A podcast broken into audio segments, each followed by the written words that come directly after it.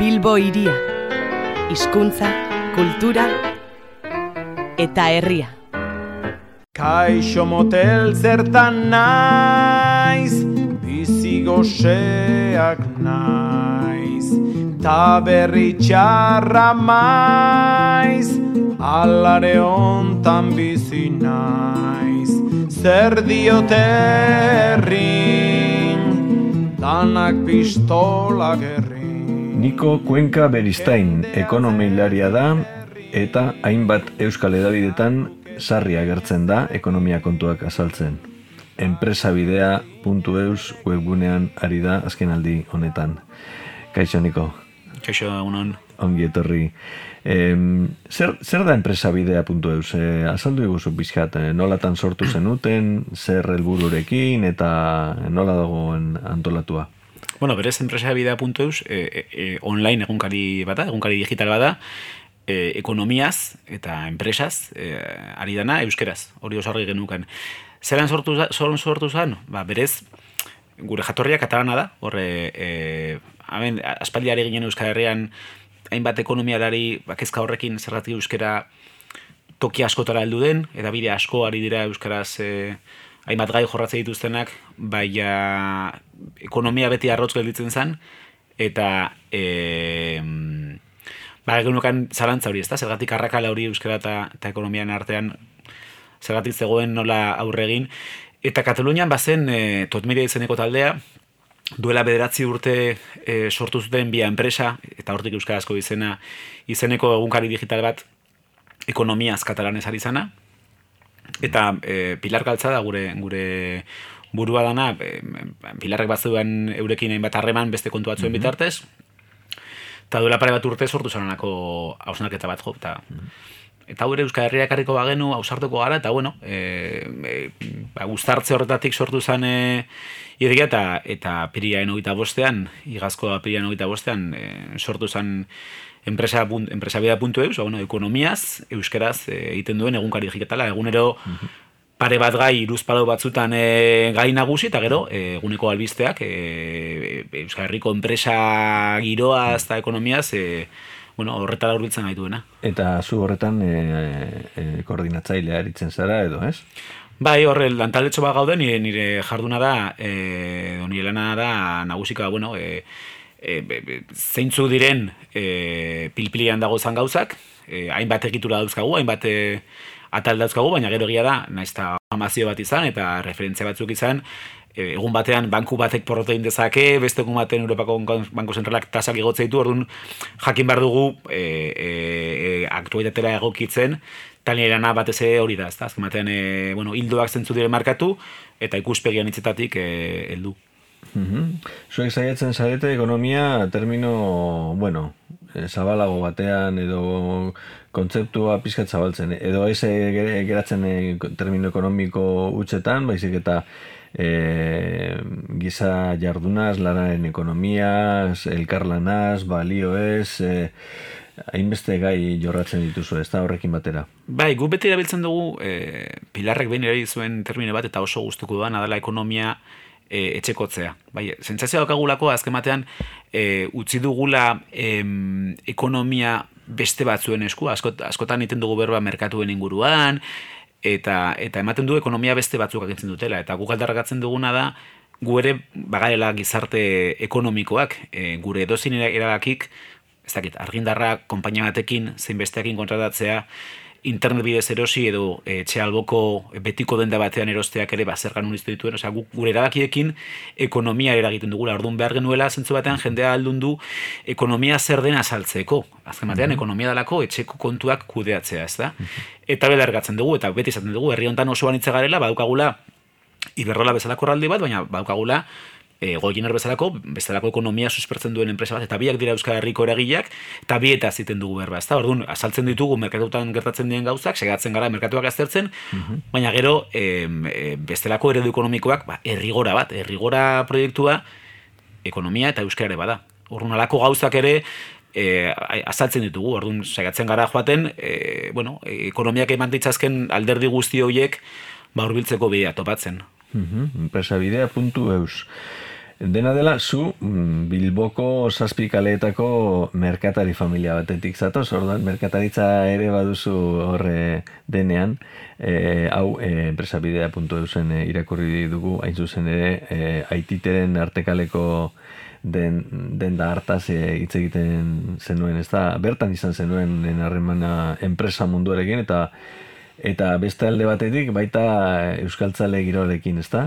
Kontatu pixka bat eh, nola izan zen... E, bai, eh, aitite, aititen historia oso polita da, eh, baina aititek, aitite eta bere anaiak bere garaian e, sortu zuten e, plaza berrian, la txispa elektrika izeneko denda bat, gero aititek bere bidea propioa, e, propioari zion, eta artikalen beristain iluminazion irekin zuen, aitite beti izan da e, oso persona urduria, gaur egun ekintzaile bezala dituko genuen oitako bat. Eta, bueno, azken batean, e, behatzi semala bazituen, hoiek aurrera da ateran behar zituen, eta, bueno, beti zegoen gauzak azmatzen, e, baina gero ere oso persona euskaltzalea zen. E, beti komentatzen dugun e, anedota berdina da, e, berak oso argizukan, e, nahi zuela euskara sustatu, baina franko garaian ezin zara. Orduan, ba, bueno, berak eh, hainbat produktutan, gaur egun eh, hain ezaguna den marka zuriaren kontzeptu hori, esango nuke berak esmatu zuela, berak erosen zituen,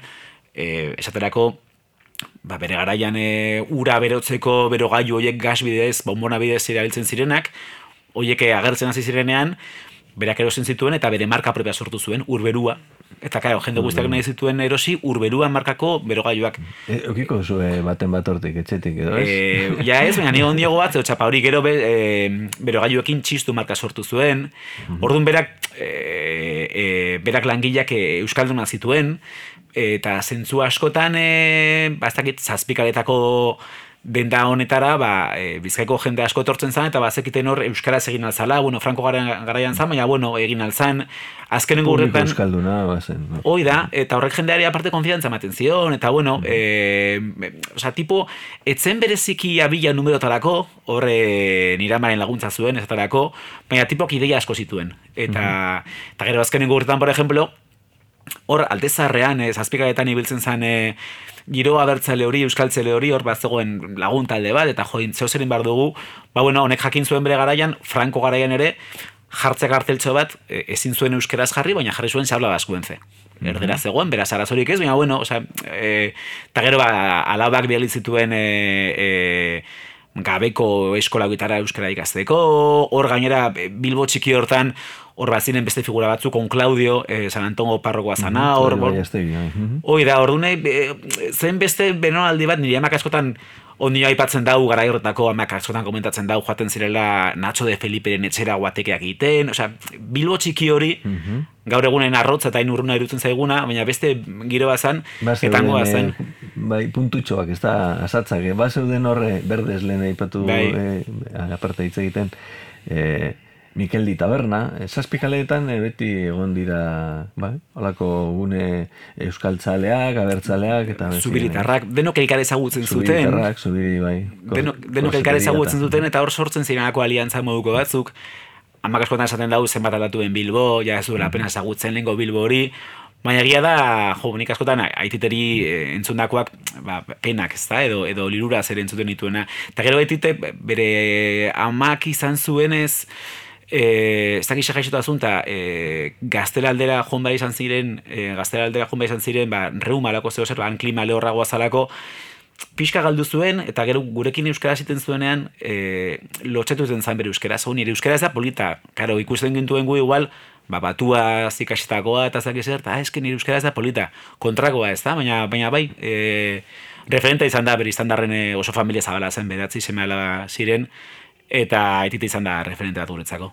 Bueno, orduko giro euskaltzaletik zatoz, baina zu zeu ere euskaltzalea zaitugu, behar, behar bada haren ondorioz, zein handian, besteak beste eh, berbaizu elkartean e, zabiltza aspaldion, eta e, nola ikusten duzu egoeraren, e, euskararen egoera deustun, bilbon, e, labur bilduta, eh?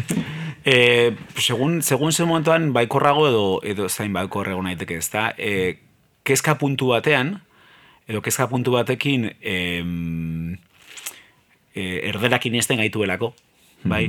Gero, baina justo momentu enten duztuko jabe direla, bai, baikor e, bere alde berria sartu direlako, ni bere garaian berraizun oso sartu da nintzen, diru zantzako entuta eta hori, eta orduak eta sartuta eta hori, oen gazte bere aldia sartu da, eta oso gogotzu abintzanak, ide berriekin, e, mas media horren kudeak eta hobekin Instagramen talako eta negotin nirenak, orduan, badago, be, badago arrobia, Bai, e, egia da, e, e, ingurunea, e, erdaz etorkigula, e, politika publiko ere zutela bereziki laguntzen, Orduan, alako nahasketa, e, arro e, ondino badugula eta e, Euskal Gintza baduelako arrobia, bai, e, zentzatzo batekin azkenengo amarka dagoetan ez dugula asko aurrera egin. Atzera ez dugu egin, egin baina azka aurrera be ez dugu egin eta aurrera egin behar da. Orduan, puntu horrekin, e, baikor baina da ere ezkor kirolaria ere bazara, eta eskaladaz mintzatu berri zara okerrez banago, gure Bilbo iria irrati honetako kirol eskirol saioan, ez dakit aste honetan, entzungo zaitun, edo... Bai, bai, kuento da, eh, enpresa bidean egin reportaje bat bonik egin nuen, eskaladaen inguruan, azken momentan, puri-porian dagoelako, rokodromo asko, ireki dituztelako, ni, ni eskalatzen hasi nintzenan, espentsa be eh, goi bainako eskalatzaian hasenek, eh? Kuadriakin hasi nintzen txurrinagako bulderrean, jende asko bezala, gerora udaltegia, e, e, udalkiroldegian, elfangon, hor kukutzako aukera be izan genuen, gero bota zuten karmelan gaur egun badago. ni nator gari batetik, nun eskalada, e, herriko kontu bazan, eta, mea, bueno, e, hortik sortu den jende asko, batzuk lortu dute topatzea e, bide bat, eta inkluso enpresa bat sortu, sortu dira, Hernanin badago toten nizereko enpresa bat, e, elduleku bereziak ere dituztenak, eta puntu, puntakoa dana, eta gero, e, batez ere pandemiatik eta joku olimpikoen mugarri horretatik, puri-purian dagoen kirola da, eta e, ikusi dugu zelan bizkaian azkenengo boste eta hauetan, sortu den e, berango nespuk nirekodromoa, duela jabete inguru, derion e, biguok izeneko erre, errokodromo erraldoia ireki duten, iru milioi euroko inbertsioa indutena, pentsa hori gero berrezkoatzeko, duela mara urte inguru pigua sortu zan Bilbon, gaur egun zorrotza horreko irla hortan, orduan, bueno, e, puri perian dagoen kontu bada, e, oso gustoko kiro hori, ze e, beste kirol batukin konparatuta, ez zaude inoren aurrean lehia egiten, e, askotan zu zaude e, mulderrean edo orman egiten, eta igual ez dakizu nola egin edo zalantzan zaude, eta alboko bat etortzen zaizu laguntzera, orduan oso kooperatiboa da, ez dakazu beste aurrez aurre. Orduan oso polito da, sesegitua entortzen da jendea laguntzera, eta orduan, eta gero perez mendizalean, az, orduan eta txe alboan izan da, nire ustu izan da, piugaz alboan dakagu, Eta hortik, eta e, buratu egun horri buruzko reporte jaitea, egia da Euskal Herrian mm. rokodromo asko ireki dituztela, zaetasun handia dagoela, eta badagoela jendea jakin duena hortik, negozio sortzen, eta hori ebe polita da, esan eta ekonomia eta horre sortzen duena beraztasun hori, herrian be e, inbertitzen ez da. Lehen aipatu dizuan hernaniko enpresa horrek, mozkien zati bat, hango eskalat taldean inbertitzen dau, hango txistura taldeari ematen dio puska bat, da bueno, e, ekonomiaren beste ikuspegi hori lehen aipatu duguna, kirolaren bitartez. Bueno, bueno, ba, entzungo du, haber zer esaten duzun, e, gure kirol eskirol saio maravilloso horretan, Eta tira, ekonomilari edo ekonomian aditu moduan ekonomia albisteak eh, komentatzeko eskatzen dizute, askotan, eh, hainbat edabidetatik, eh, analista ekonomikoa dio, zu, zure enpresabidea euseko zure profilak, eh, puri-purian dago gaur ekonomia, hola igertzen duzuzuk? Bueno, justo momentu enten, eh, bai, azkenengo, azken aurreko azte honetan, estatuatuetan hiru bankuk porretin dutelako, e, Europan zuitzan kredi zuitzen porrotara ikusi dugu, e, egia da jatorri ezberdina daukatela, baina biok e, e, momentu berean gertu dira, gainera interesazak gorantza zen momentu batean, eta merkatu kurdia dauden, baina ekonomia beti dago puri-purian, eta nire e, interesgarri iruditzen zaidena da, e, e, jendearen percepzioa aldatzen nahi dela, e, momentu ontan sortu dira, bagatoz ekonomia neoliberal batetik, baina momentu ontan sortu dira ja, bueno, iritzi orokortu batzuk, e, aizu jarri barko digu enpresei e, tasa minimo bat, lehenengo aldiz, mundu osoan zer esarriko da enpresentzako uniko amabosteko tasa minimoa. Ez da altua, baina ez da inoz gertatu, entzun ditugu, bazakit jau baden bezalako e, estatuatuako presidentea esanez, tei del mor, oza, e, langilei gehiago batu behar zaiela, entzun dugu e, bankuz, Europako Banko Zentrala, Europako Batzordea, OCD esan ezagian asko ere bazte duten enpresei zerrak eguar zizkiela. Hori lehenetzen gertatzen orduan, e, momentu batean, un pandemiatik gatozen e, inflazioa gorantza dagoen, eta familia asko, bueno, estuari diren gertatzen jantzutea, alako mezuak, ba, bueno, ez dakit ze puntoraino hau betirako izango da, baina beste neoliberalismo hori pixkat aldatzen ari dela ematen du jakizu emetik mm -hmm. urtean nola gauden. Baina, bueno, pintzat horrek pixkat baikor izateko aukera ematen dit. Ba, ekonomia puri-purian eta kezka, ez da, e, batez ere, etorkizuna gatik, ez da, gu saiatzen gara, tarte honetan, e, arloa zein dela ere, e, prospektiba egiten. E, hortik, e, zer datorri zena, ez da. E, badirudi, gizartean, ezin egona dagoela, batez ere, ekonomiaren e, norabidea. Zuk, ala kezka, kezka hori igartzen duzu, sumatzen duzu, e, e, bere alako etorkizunagatik eta epe hartain luzeko e, norberaren e, ekonomiagatik. Bai, claro, testu ingurua zen den ikusita et, e, interesta zen igoera oso malkartzua, oso azkarra izan dugula azkenengo urtean, mm. urte honetan, pandemiagatik, e, gerragatik, ba, inflazioa e, oso goi dago, eta jende hasi da, ez du egoten, soldatak ez dira horren beste egotzen, jendea eskori ikusten dut. Eta gia da, azkenengo lan mezuak Bintzat duela pare bat hilabete mesuak oso eskorrak zirela e, atzeraldia zetorrela, gero ez da horrela gertatzen ari, eta jendea ikusen dut, barkatu, bildurrez, e, kezkatuta. E, eta ora, inkesetan ja somatzen da, egora ekonomikoa izaten nahi dela berriro be, jendearen e, kezka. Zentzurtan, Rezesioa eta alako hitzak aipatzen dira or, ostertzean eta bueno, bai, baina gero, gero momentu batean gorantza egiten du baina baliteke izatea hori montaña rusa Jaitxiera horreko baldapatxoa, ez da? Bai, baina horrela gabiltza ezak izan bete esan ez etorriko dala, eta momentu sindikadorek ez dira intxarrak. E, ez dakizen punturaino, karo, pandemia garaian jendeak aur, asko aurreztu zuen, tabernak osatuak itxita egon ziren, jendeak izan gaztatu, eta jendeak euren kontuetan diru asko e, e, pilatu zuen, ez da?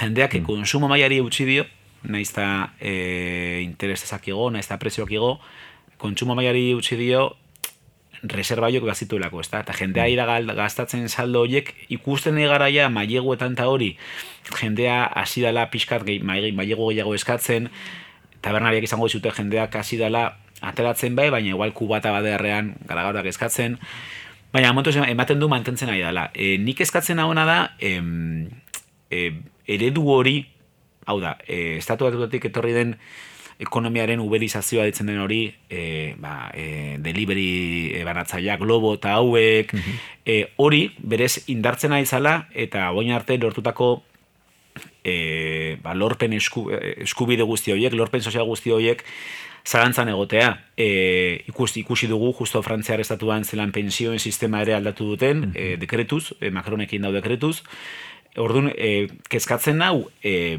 lortu ditugun ongizate maio horiek kinkalarrian jartzeko aukera egotea. Baina mm momentu ematen du e, eusten nahi dela, e, sistema eusten nahi dela. Eredu txat jartzen den herrialdea edo agintzen duena ez da zentzorretan oso eredugarria babes sozialei dagokienez, esan dut estatu batuetan apenas dagoen e, estaldura sozialik, apenas dago jente asko adibidez e, kalean e, zubien azpian bizitzen, e, bueno, drogadizio arazo handia dituzte, vamos, de, mm, ez da oso eredugarria, ez da, eta, mm eta azkenean badirudi gure eredu ekonomikoa dela e, hori, e, behintzat, Europak baditu beste babes batzuk, orain arte, momentuz ez dakit mantenduko dituen, baina eredua behintzat, ez da oso eredugarria.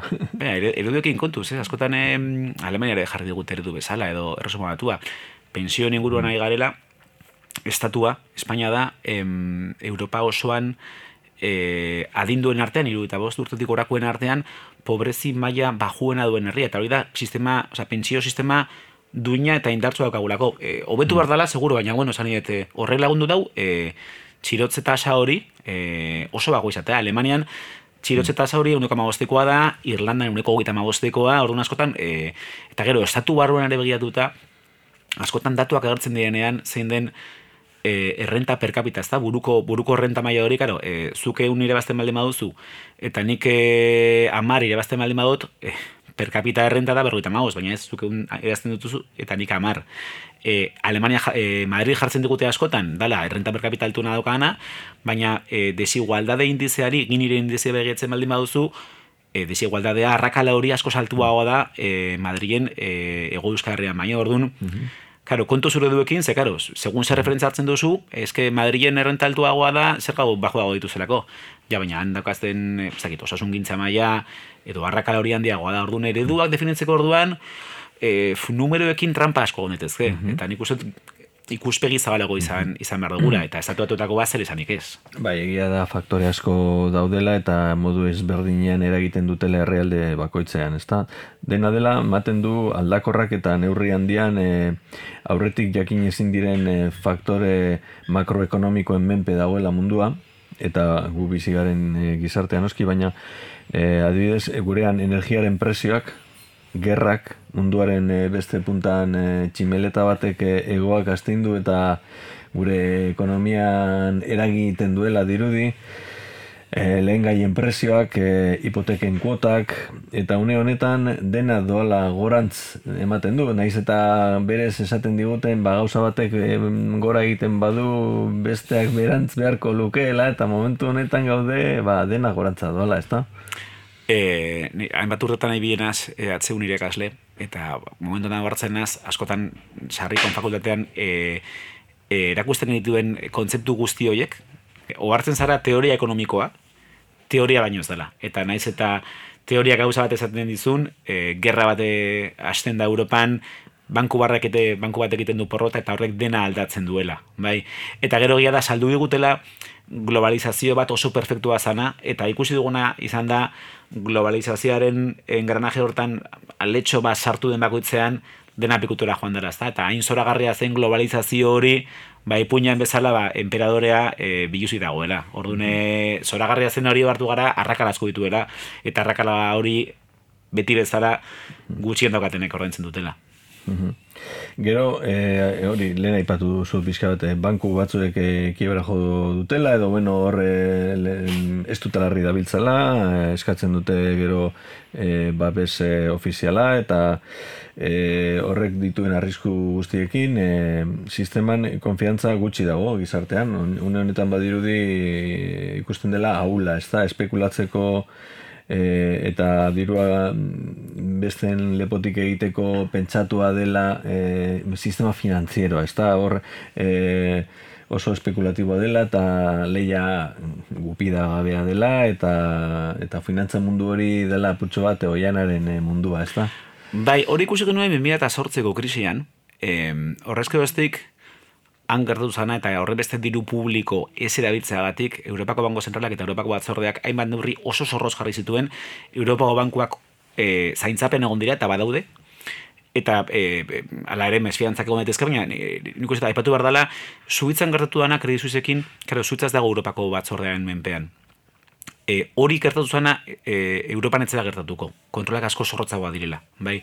Zentzu hortan, eh, nuk uste mesfidantzara aurreko gunean enpresa bidan horren diburuzko artikulu bat diazte nuen.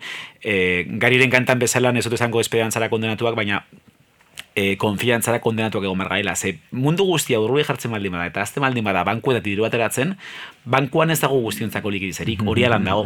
Tomasen, de, de, de, zera prinsipioa. Ez que hori alan da, orduan, e, esango nuke, e, eta gertutik ikusi izan dut, e, momentu enten, Euskal Herriko banku nagusiak, Europako banku nagusiak oso ondo zainduta daudela, ez luketela arazurik izango, baina gira da, estampia baten moduan bat azten baldin badakorrik eta jendea izutzen baldin bada eta mundu guztien baldin badu dirua bankuetatik atera, arazoko daitezkela, baina hori betek egon izan da. Orduan, nahi eta nahi ez, konfiantza hori izan behar dugu, e, itxu itxuan bada ere. Zan, mm -hmm. kritiko izan behar eta jarrea kritiko izan behar dugu, baina mensfidantza mm -hmm. nagusten baldin bada banka alurrean, porrotera goaz.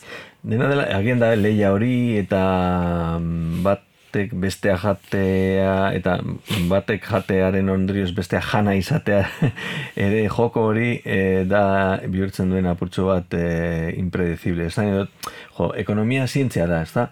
ala definitzen da, ez da? Baina eta lege batzuk daude, edo printzipio batzuk, teoria batzuk eta gauza batzuk nahiko e, frogatuak edo hori baina gero, e, aldagai asko aurre ikusi ezinak e, dirudit, ez da? Ba, norbaitek esan zuen, ekonomia dela gertatuko dena iragartzeko eta ondoren zergatik ez den gertatu azaltzearen artea.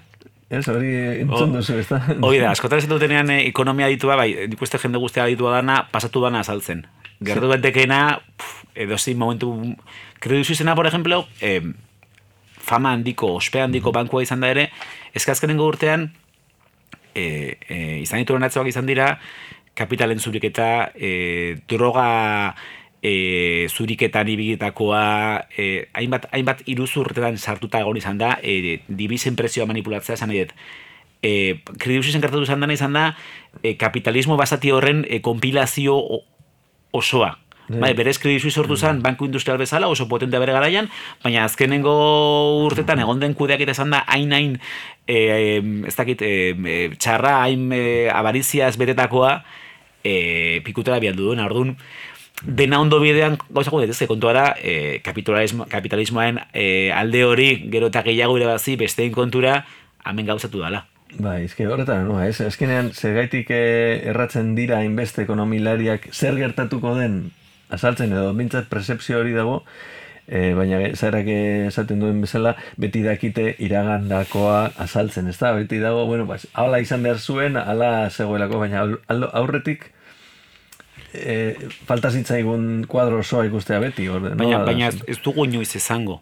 Ez dugu inoiz izango. Aurreko krisia, 2018ko krisia pasatu zanean, e, estatu eta batuetan sortu zan krisi bat, nik beti epatzen dut, krisiak direla e, energia bezala. Ez dela esortzen, ez estatzen eraldatuten dela. Sortu zen finantza krisi bezala, banku batzuk hasi zirelako, eta horri buruzko oso pelikulanak egon izan, egin izan dira, hmm. hasi zirelako e, e, inungo eskrupori gabe mm, hipoteka batzuk guanatzen, eta gero hipoteka horiek kolokatzen merkatuetan, Gero jakin genuen Europako bankuaro, banku asko pasatua hortan dirua kolokatuta, horrek ekarri zuen herri batzuen ondamena eta finantza krisia sana, sor publikoaren krisia sortu zen, Grezia etorri izan esan edo ordun. Em, ohartzen gara dena dagoela oso lotua eta pasatu izan dana eta hoen estatu batutan pasatu izan dana izan zen 2008an gertatu gata gero e, Obamaren e, administrazioak oso kontrol zorrotza jarri zituen, mm -hmm. lasitu esan giroa, Trumpek e, araudi zorrotz hori malgutu zuen, eta malgutu denean, banku batzuk erori dira. Beraz, kontrola zorrotza baldin badira, kontrolpen egon daiteke, baina kontrola zorrotza baldin badira, bankuk ez dut horren bestira bazten. Eta Trumpi eskatu zioten, tartean Silicon Valleyko buruak, haizu, mm, lausotu arau hau, porque horrela dirugo jagure baziko dut. Hmm. Eta hau pasatu da. Ja, ja, ja.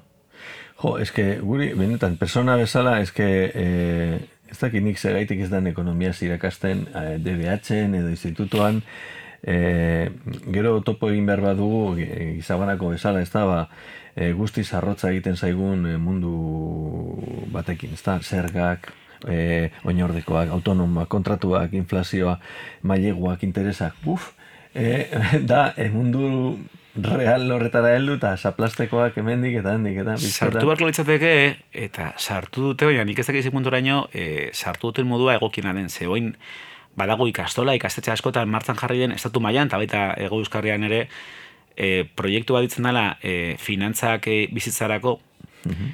eta bankuetako langila joaten dira ikastoetara hori azaltzen.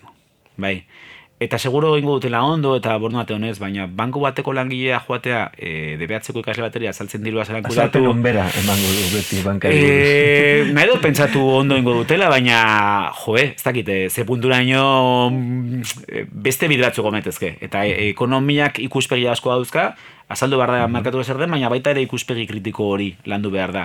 Eta segun nago bankuek agian ikuspegi kritiko hori ez dutera bereziki ondo landuko. Ez dutera ez landuko ere, orduan, egiten da, baina beste modu batean egon. Horatzen egin zegoela, barufaki sekiatzitako liburu bat eh, ekonomia nire alabari asaltzen odoko zozer, ez da? Hori nahiko... E, eta badauz, badauz oso liburu interesgarriak, e, goratzo der garaian e, alabedi irratiak azti zenen zuela ekonomia damientzat, programa, gauza gazaltzeko erraz, e, ikuspegi kritikoa, e, kapitalismoa, zer goatzot egon zirela zeakera batzuk, eta hori landu behar dana, azken batean ikuspegi zabala eta kritikoa izan behar darako, bestela itxu itxuan zineztu dugulako.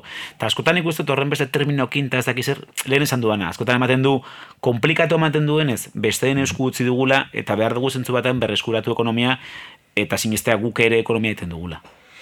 Bueno, orduan inflazioa, inflazioa zen zan bestea, e, KPI, e, inflazioak, e, urtarrilan, euneko bost koma sortzi da egin du gora, e, inflazioa gora, interesak gora, gorakada horri aurre egiteko, e, in, e, horren ondorioz inflazioa jaitsiko delakoan, baina ikusten ari gara interesak gorra egin arren, bere ala bederen inflazioak e, gelditu ez, eta igotzen jarraitzen duela. E, adibidez, inflazioaren eta deflazioaren jokoa prezioen e, garestitzearen eta interestasen arteko dantza hori. E, jendeak e, oso ondo ulertzen ez, ez dugulako sensazioa daukat, nik neuke ez dudalako oso ondo ulertzen. Ez que berez hori teoria ekonomikoak, teoria ekonomikoak esaltzen dizu, ekonomia bero dagoenean eta prezioak asko igotzen direnean, interestasak igotzen badin badituzu, ba, jendeak gutxiago kontsumituko duela. Kontua da, hori teoria ekonomikoak dino eta hala da kontua da, momentu enten, inflazio ez da sortu gehiegi kontsumitu dugulako. Zoro moduan kontsumitu dugulako, ez? Inflazioa sortu da besteak beste, Europan gerra bat egon dalako, lehenago pandemia bat egon zalako, pandemia eta gero ekonomia oztu zuen, baina gero denok batera hasi izan zuten, eta horrek eskatu zuen lehen gaien e, konsumo masiboa eta horrek prezioak igoarazi. Gero, gerra bat ez du gaztu behar, Ukraina eta Rusia direla e, munduko aletegiak, zereal gehienak horti datu zala. Eta zerelak epatzen dugunean, e, kilore olia ere, olioa ere, horti dator.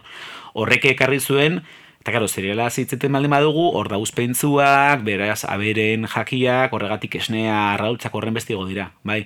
Hau da, ekonomia ez da, inflazioa ez da handitu asko kontsumitu dugulako. Bai, eta erabiltzen ari den rasita da hori, bano, guazen interesake igotzea, jendeak diru gutxiago erabilgarri izateko eta gutxiago kontsumitzeko. Ez mm -hmm. e, interesazen gorakada ez izanean, Erreserba Federalako buruak, argi izan zuela, hartuko dutugu neurriak mina sortuko dutela enpresetan eta familietan, mina hitza zuen. Eta alan da.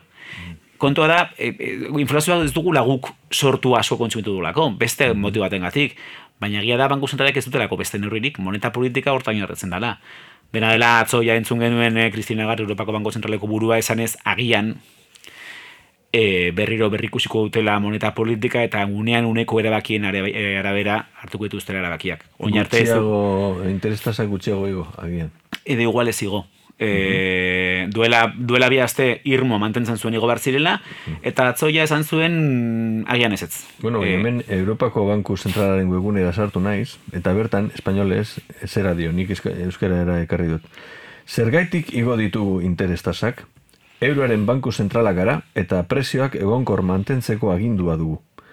Gure ekonomiaren prezioak askarregi igotzen direnean, hau da inflazioa hangi handiegia denean, interestasak igotzeak inflazioa epe hartainera berriz ere euniko bian jartzen laguntzen digu.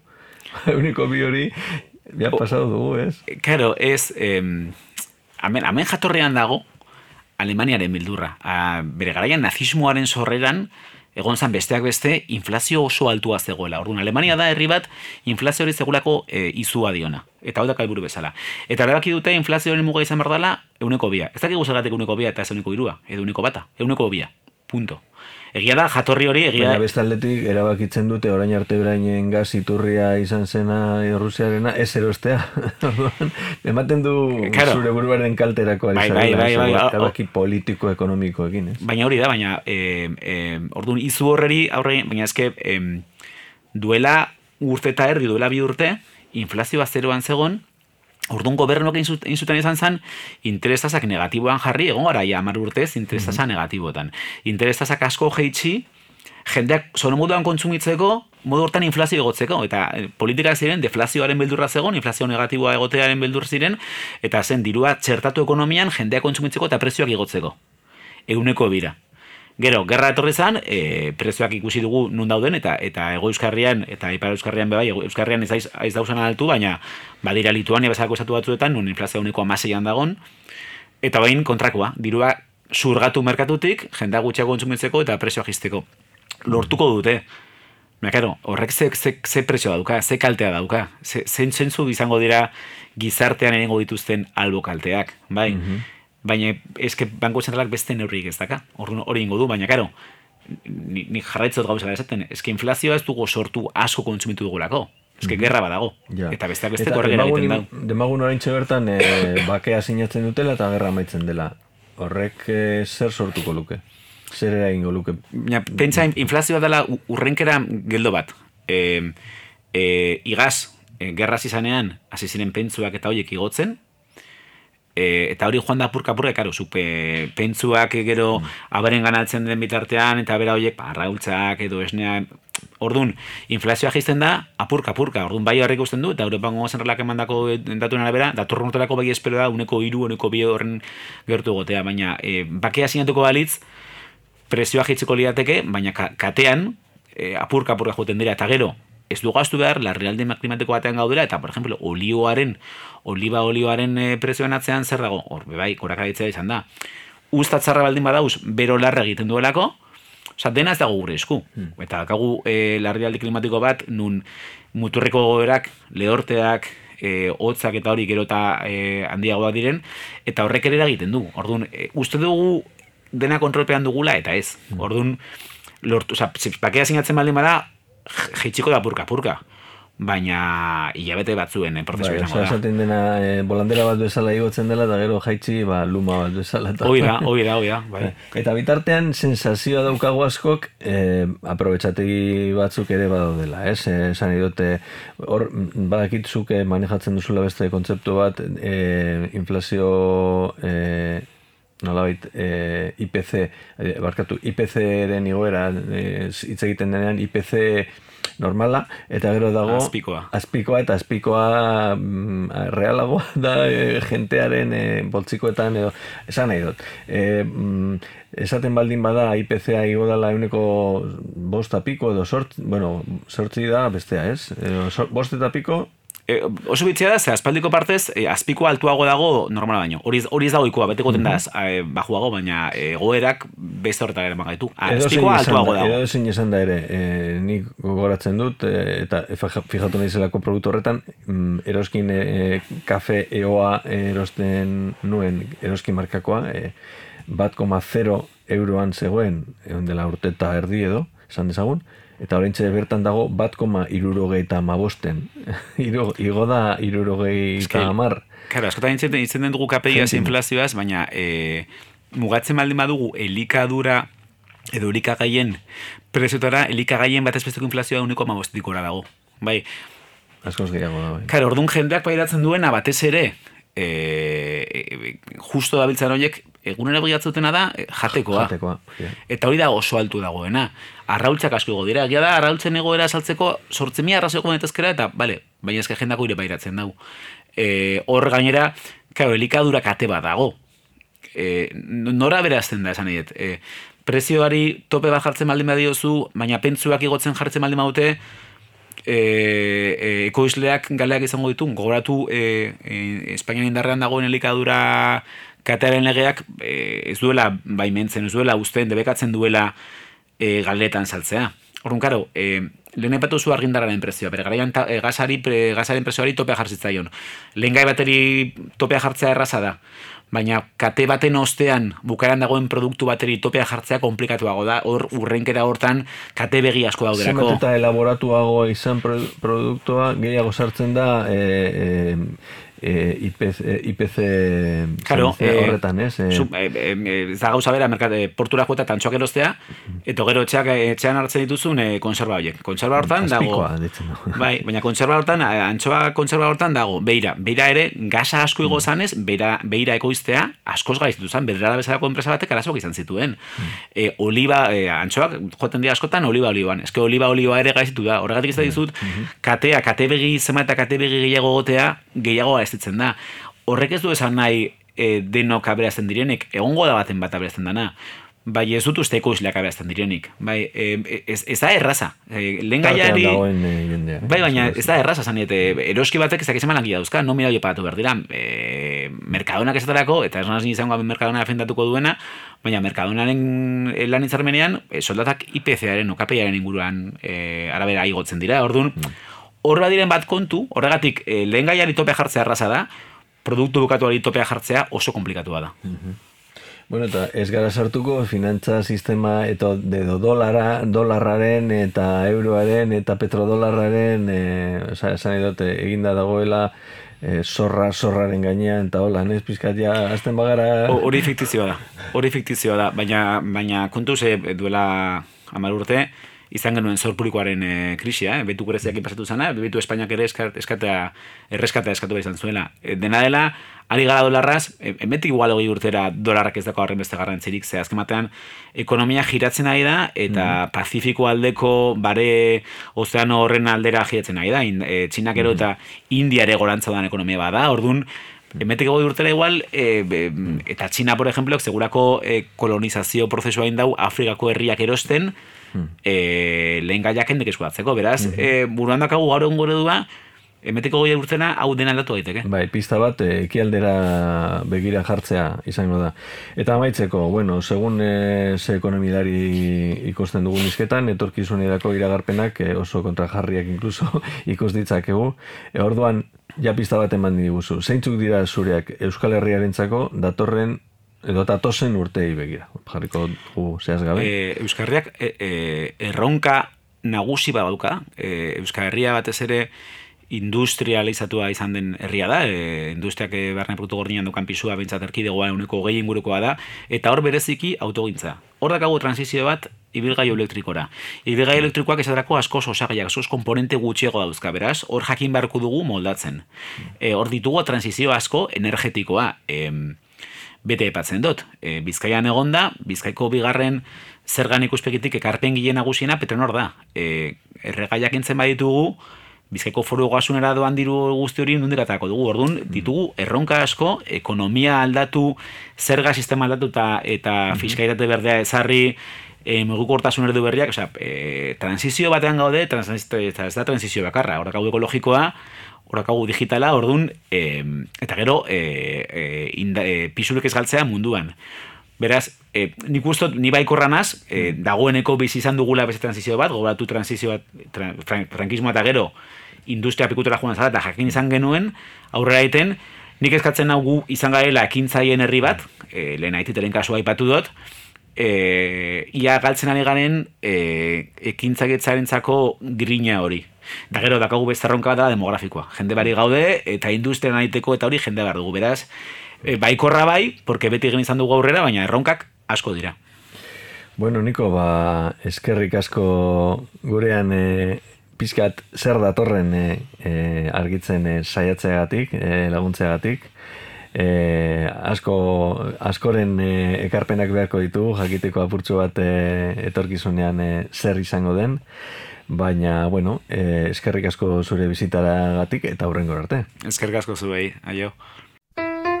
Bilbo iria, hizkuntza, kultura eta herria.